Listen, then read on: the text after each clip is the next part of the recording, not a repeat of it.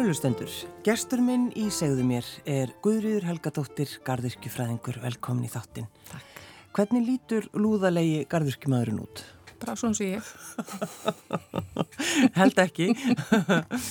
það er svona einhver mynd sem þú, uh, þú getur dreyið upp. Já, sko þá má ég lega segja það að þegar maður hugsa um gardirkjumann þá sér maður fyrir sér eitthvað sem er í svona e, gallabögsum sem eru svolítið moldur á lærunum að því þar þurka maður sér alltaf þegar maður er búin að vera með hendunar í moldinni. Jú, jú. E, og með við veðráttuna í íslensku sumri þá er gætnan lópapeysa stroffið, trostnað olbuarnir út, hún er kannski svolítið svona svo rifin upp úr svelli á hliðinni. Já. hárið er í óreiðu, hann er ekki komist í styrtu nýlega. Það er svo brjála að gera að gera og sólaringurinn á þessum tíma að, að menn gjör nýta þess að 24 tíma Já. og vildi gætnan að væri lengra. Og þetta er kannski, jú og svo er hann í stígvelum Að sjálfsögðu. já. sem að hefur nú stundum þótt uh, svona óverðilegu fótabúnaður af því sem þeir sem voru kannski uh, sneiðir þeir voru ekki annað á gummiskum ekki endilega vassaldum þannig að þetta er kannski svona þetta er kannski ímyndir sem maður sér Já. og svo er hann pínu skrítin, hann hugsaður alltaf meir um plöntur heldur um fólk og, hérna, og, og ég tengi mjög mikið við þetta Já, þú, tengir, þú semst hugsa meira um, um plöntur en fólk, eða hvað? sko, Eða hefur meira áhuga?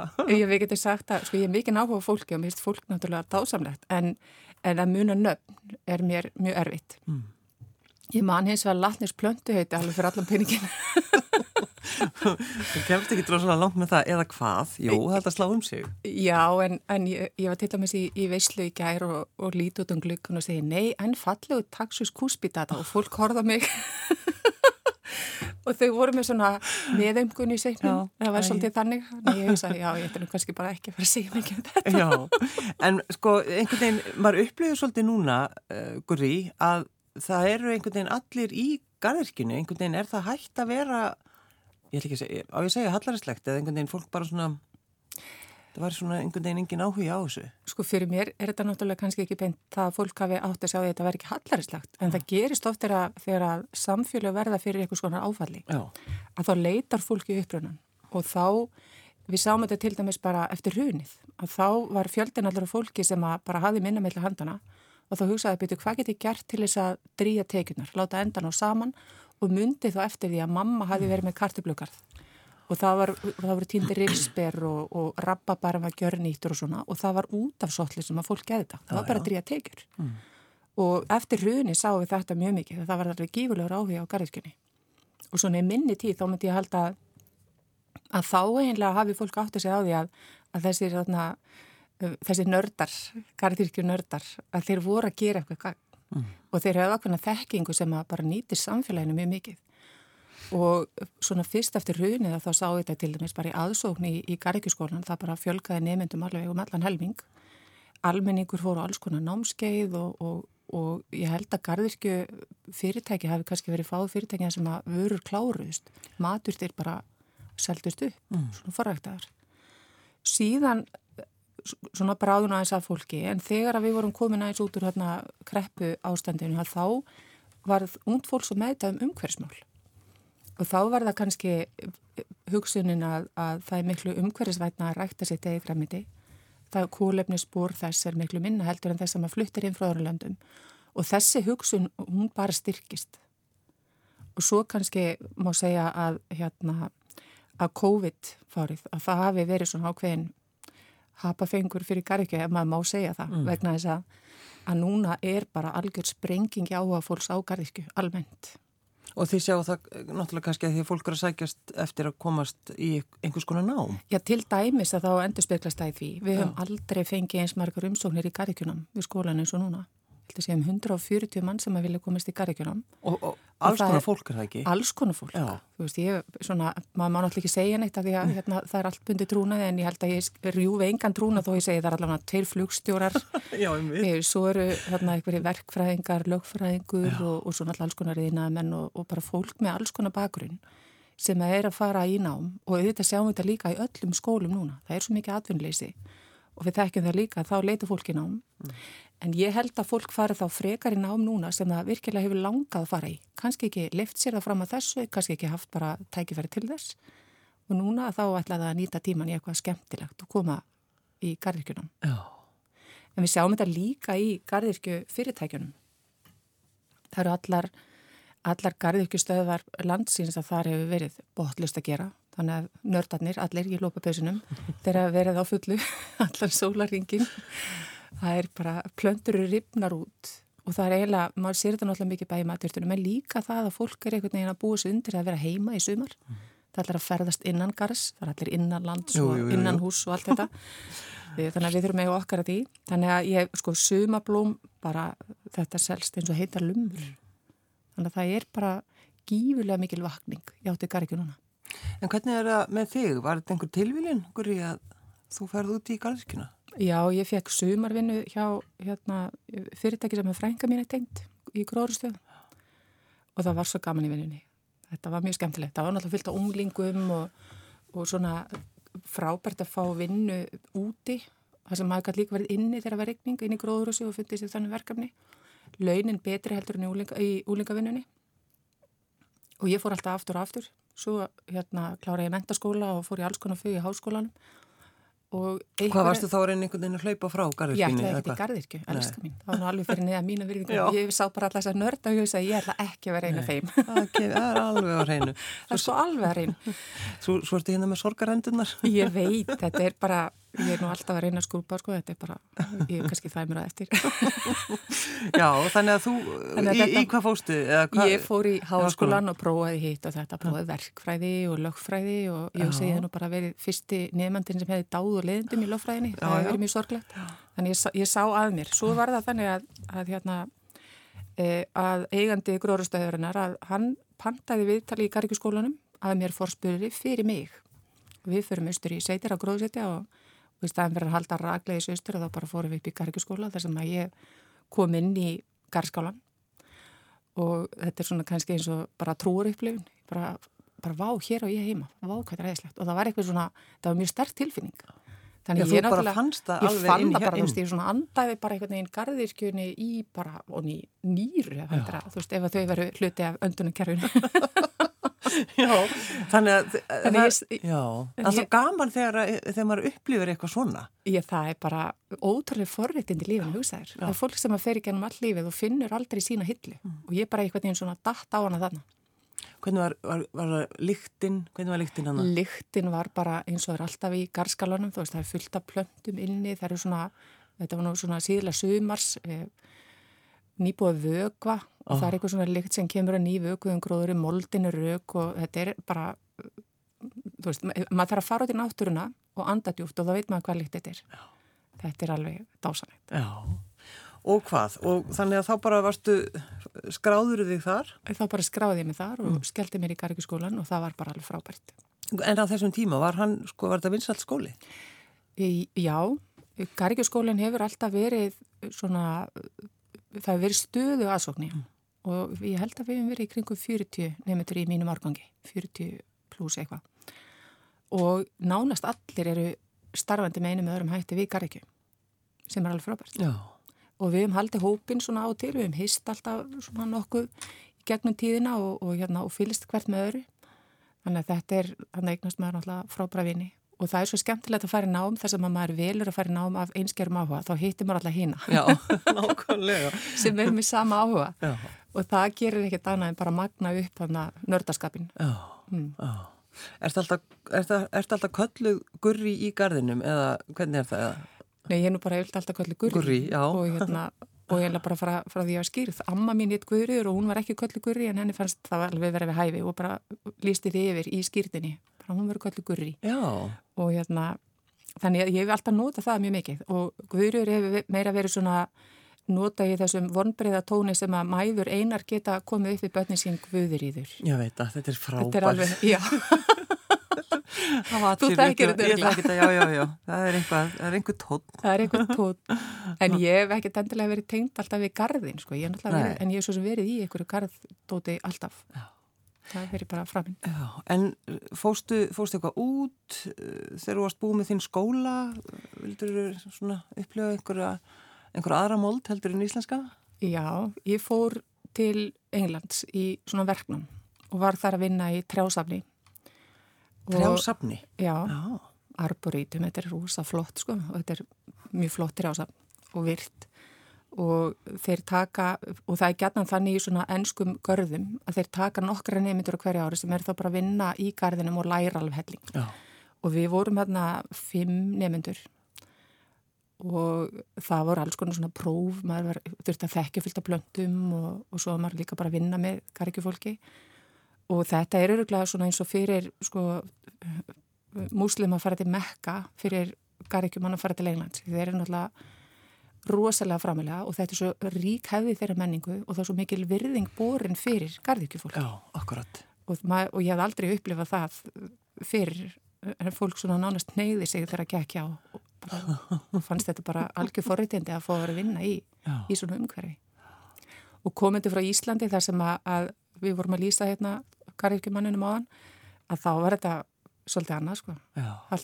Með þér, já, býtti það er hérna það er fólk sem ber mikla viðingu fyrir þessu fæi þannig, hérna, þannig ég held að ég kannski tók það svolítið með mér heim að mér fannst sko ég þurfa að fara þá í eitthvað svona trúbáðina heima líka mm. að fólk beri virðingu fyrir fæinu og gardirkjan er bæði náttúrulega atvinna fyrir mjög marga og vaksandi hóp en þetta er líka áhuga mál mjög margra. Og fyrir suma þá eru þessi mörgamilli áhuga mennsku og atvinnumennsku þau eru mjög óljós.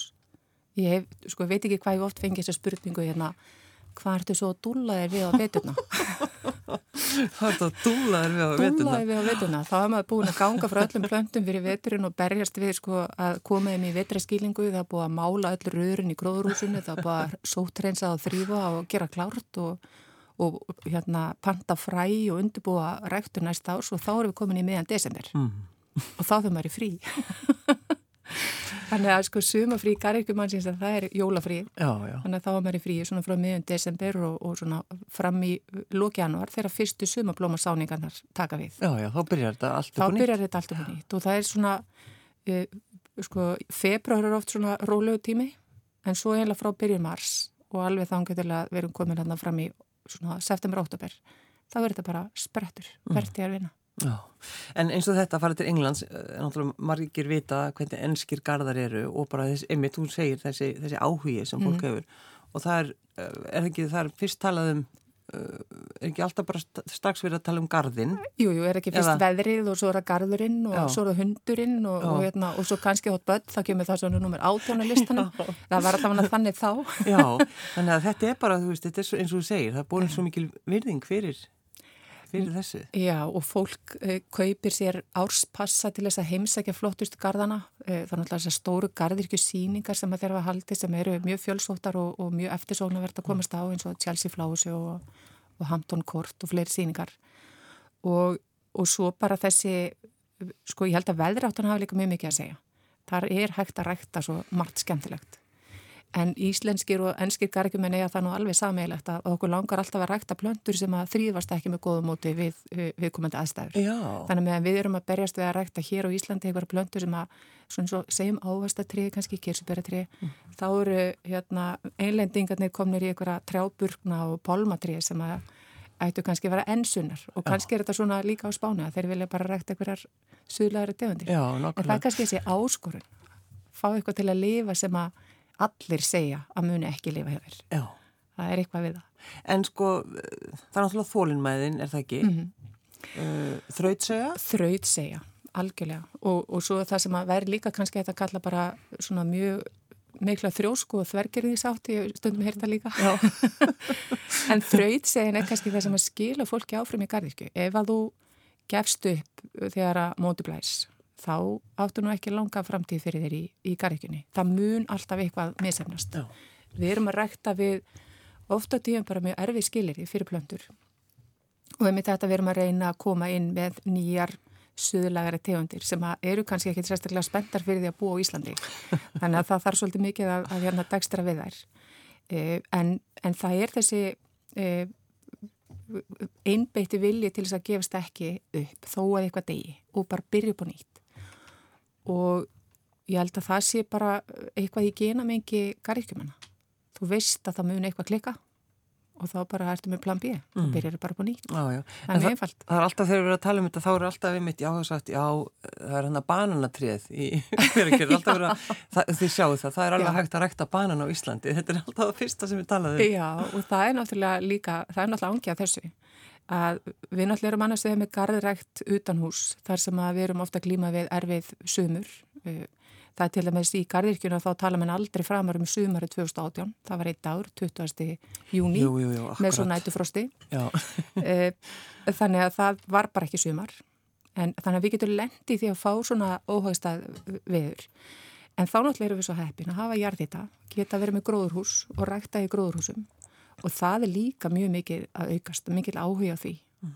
og við sjáum bara ólíklegasta fólk að það er að dunda við að rækta framandi ávexti í gróðurhúsunum sínum Já. og það er mjög spennand og gaman að sjá hvað það er að aukast En er það þegar þú hittir fólk uh, talar það við þig alltaf bara um gardirki? Færðu alltaf einhverja spurningar? Já, það er bara þannig og ég hef stundum veld fyrir mér að hérna, eh, maður sem tengist hérna sýstu minni, hann er kvennsjúkdómalæknir ég stundum veldi fyrir mér, allir hann fáið svona mikið að fagtendum spurningum. Engun veginn efastu það.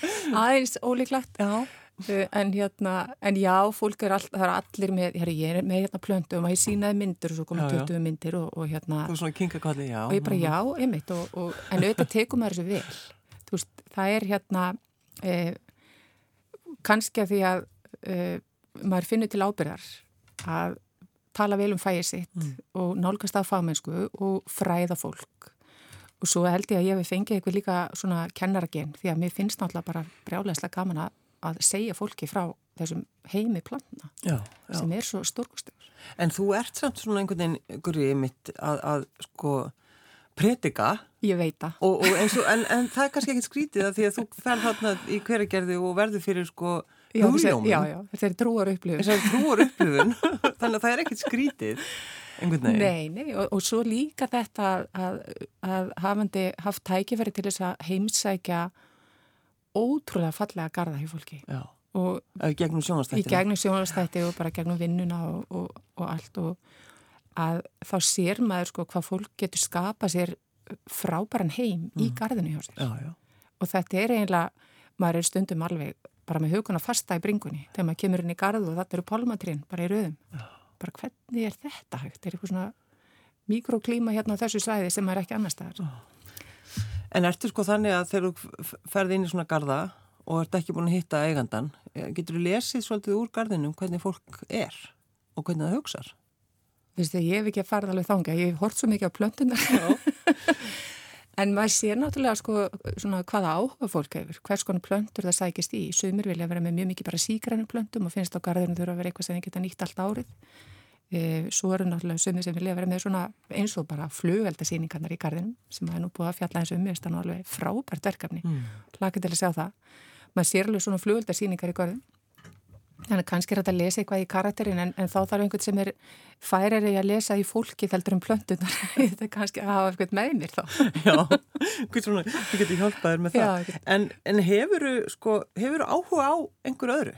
Já, já, alveg helling. Já. En, en samt sem að... Það er það að Já, en það er, sko, það er samt sem að þannig að, að hérna, ég myndi segja að Gargan verður nú mjög ofalega á listanum og bara plöndur og þessi heimur planta og allt sem að þeim tengist mér finnst það eiginlega, það er mjög ofalega á listan Já.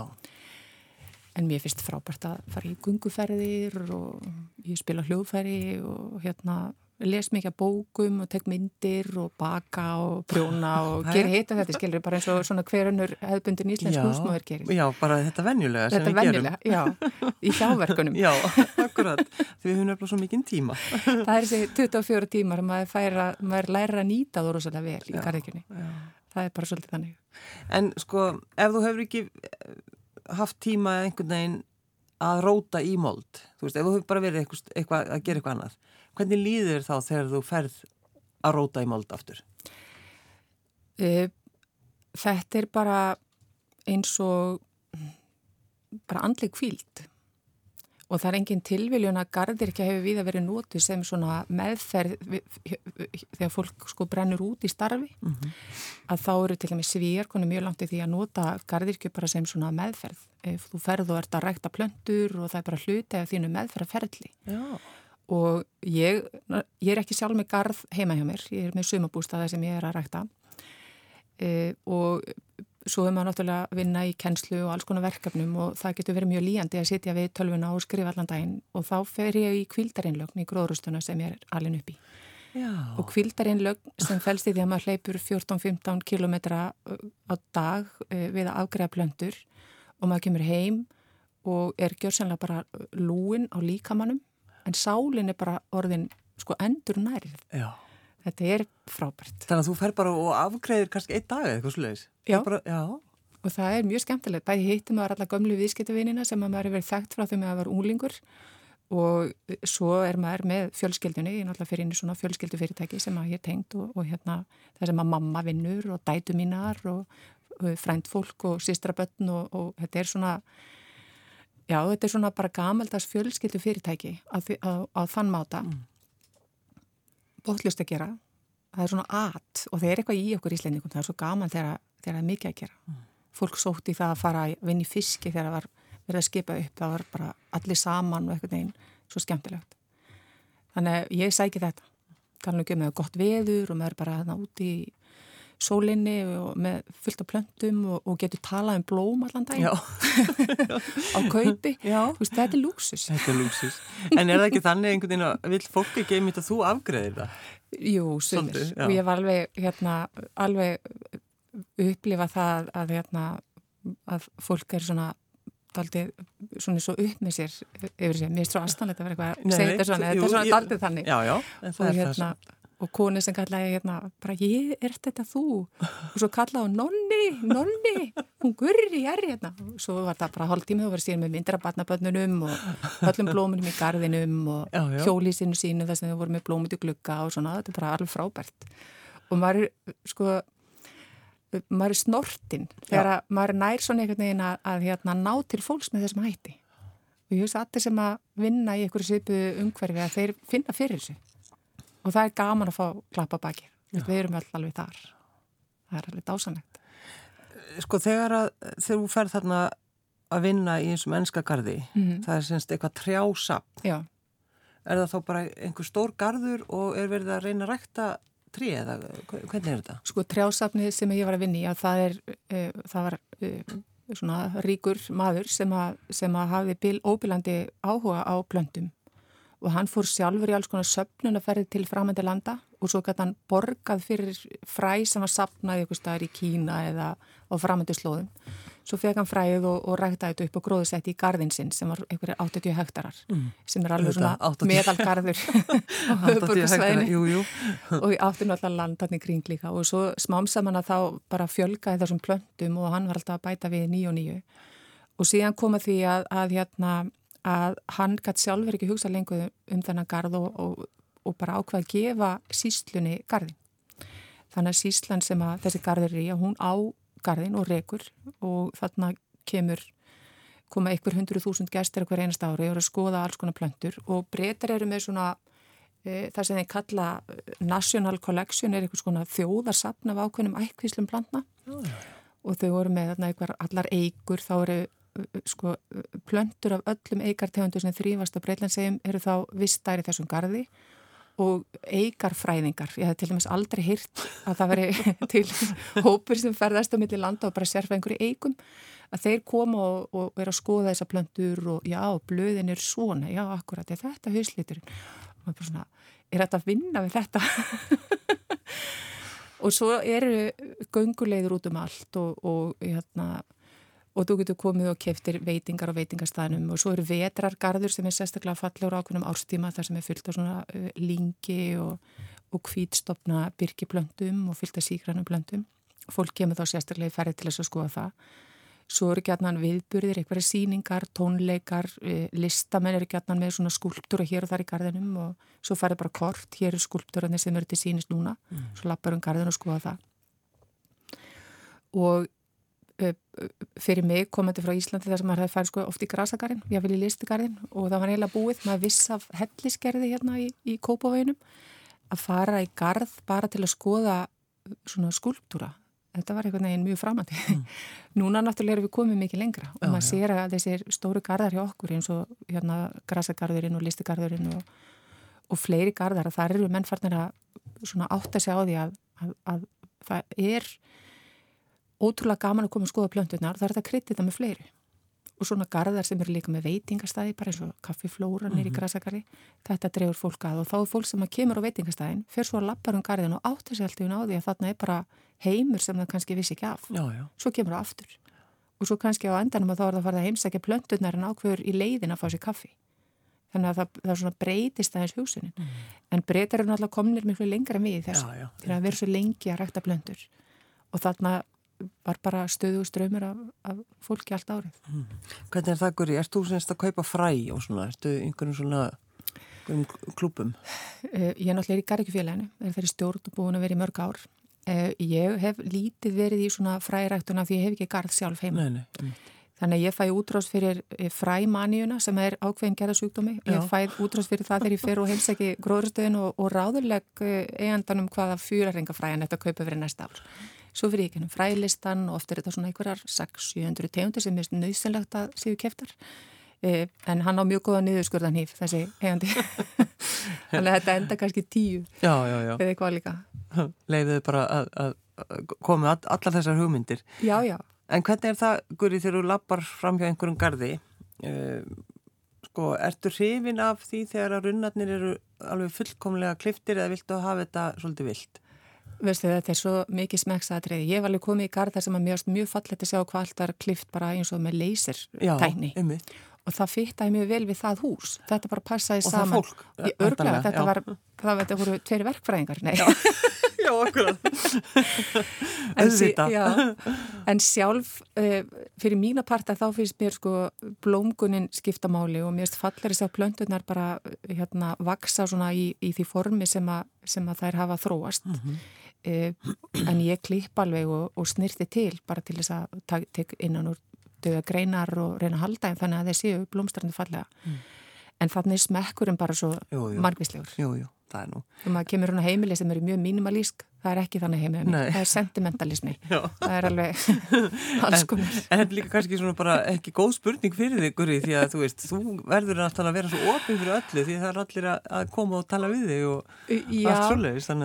En ég held þetta sé líka bara ákveðið hérna, eh, maður þarf að sína líka ákveðið bara umbrelendi mm. fyrir mm. smekk fólks, hann er mismunandi og, og það sem einu þykir fallet að það finnst öðrum bara alveg hræðilegt. Og það er kannski mikilvægt að geta séð uh, fegurðina í því líka mm. en kúlukliftri hafa ekki þau verða ekki garri samt Kúlukliftri Sleikipinna þér Já Alltaf lagi ef maður er að lappa til dæmis bara í versölum eða eitthvað slíkt. Það er náttúrulega æðislegt þar alveg. Já, þannig að þá er, við, þá er það í lagi. En þú ætlar, Guri, að vera í sumarlandanum eða ekki? Jú. Í, í, í sumar. Og Jú. hvað, ertu, verður þú í gorðum landsmanna eða hvað ætlar að gera? Ég verð kannski ekki í svona uh, hreinrættari gardirkju. Ég hef meira svona bara grænum einsamt, skulle ég segja. Já. Þannig að maður kemur náttúrulega með, með eitthvað grænt inn í, inn í þættina. Já auðvitað leita maður í baklandið þannig að það verður eitthvað, eitthvað svo leys Já, og hvað, segð okkur aðeins frá hvað þið ætlaði að gera þannig í sjóðanum sko, Þetta er, hérna, mér finnst þetta mjög spennandi og ég er mjög glöð þegar Gísli ringdi mig og bauð mér að vera með og þetta er svona tilrönd til þess að sína bara hvað fólk er að gera heima í sumar mm. það er að segja heima á Íslandi bara hvað er í gangi, hvaða viðburðir eru í gangi, hvaða hérna hvaða verkefni tekur fólk sér fyrir hendur þegar það er ekki að fara til útlanda? Er það að rekta í gardinu sínu, fara í gunguferðir, er það ættamótin eða, eða bara hvað eina sem fólk geta eftir í hug og við erum mm. að reyna svona festa fingur af það Já. og það tekjast til. Þannig að það er svona þið, þið flakkið um, um, um landið þá? Við flökkum um landið mm. og, hérna, og reynum að, að gera þessu góðu skil bara um all land, það því landið náttúrulega gengur út af það og verðum svona í sumarbúningi mm. Þannig að mér þetta mjög spennandi. Ég veit ekki, sko, ég þóri einlega ekki að segja sko, hvað við, nákvæmlega hvað við gerum í, það var náttúrulega að koma óvart. Já, já, sjálfsögðu, sjálfsögðu. En þú hefur náttúrulega gegnum, gegnum árin, Guri, og það hefur verið sko, mjög vinsalið þættir, uh, Guri, í gardinu. Já. Og það er bara, já, þetta er bara mjög vinsal. Já, ég skil bara ekki á hverju við erum ekki að gera nýja gargi þætti í sumar, svo því sem komum framfæri. Þóttu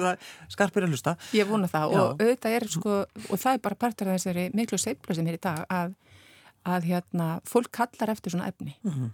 og það er svo margir að byrja að rækta, byrja að stíða sem fyrstu skrif og þá er náttúrulega frábært að vera með íslenska garðirkjuþætti sem sína íslenska garðirkju eins og hún er.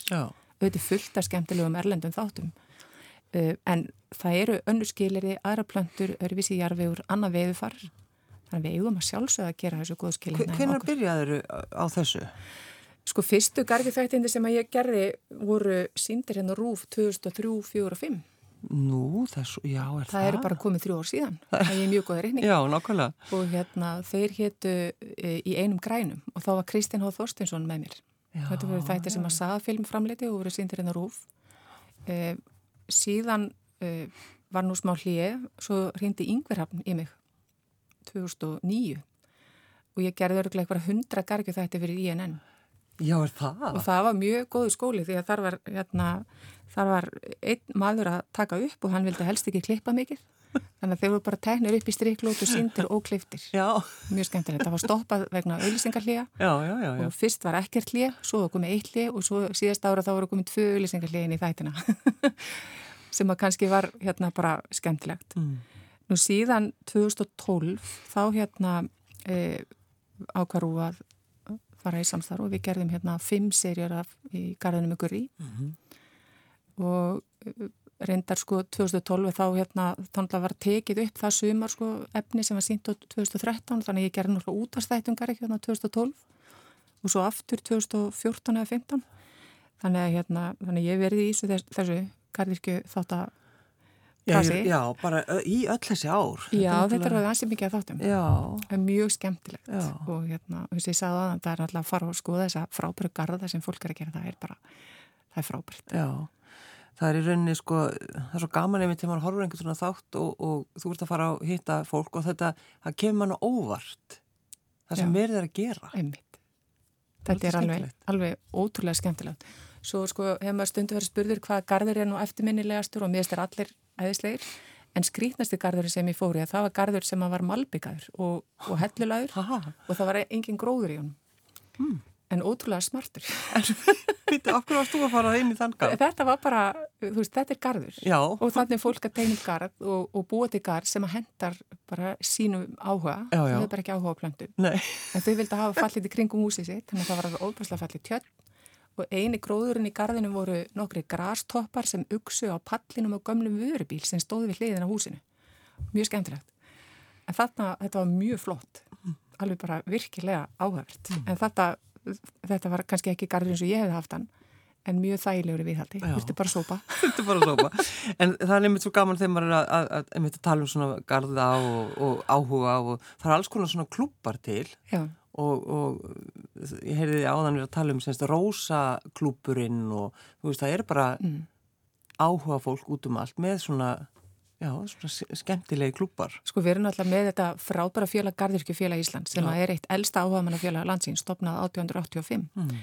og þar innan bors er fjöldanallar fólki og þessi klúpar meðlans, rosaklúpurinn er þar inni já e, og það er maturstaklúpur og sumarósaklúpur og alls konar og þarna getur fólk svona saminast um sitt áham mm -hmm. og mhm. deilt reynslu sinni og það er náttúrulega alltaf frábært þegar þú getur talað við aðra og, og, og svona fengið reynslu og lerta þeim Guðriður Helga Dóttir, Garðurki Fræðingur Takk fyrir að koma. Takk.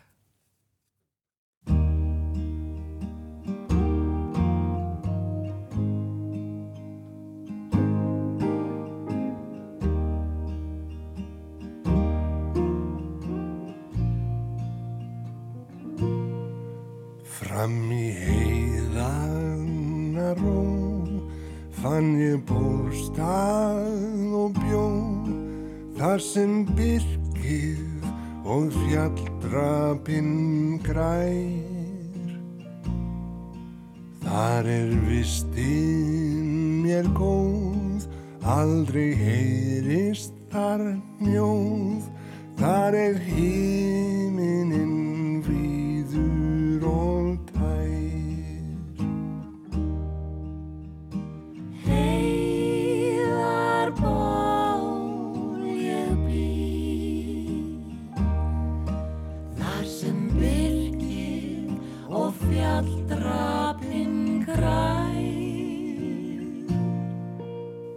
Þar er vistinn mér góð, aldrei heyrist þar njóð, þar er hímininn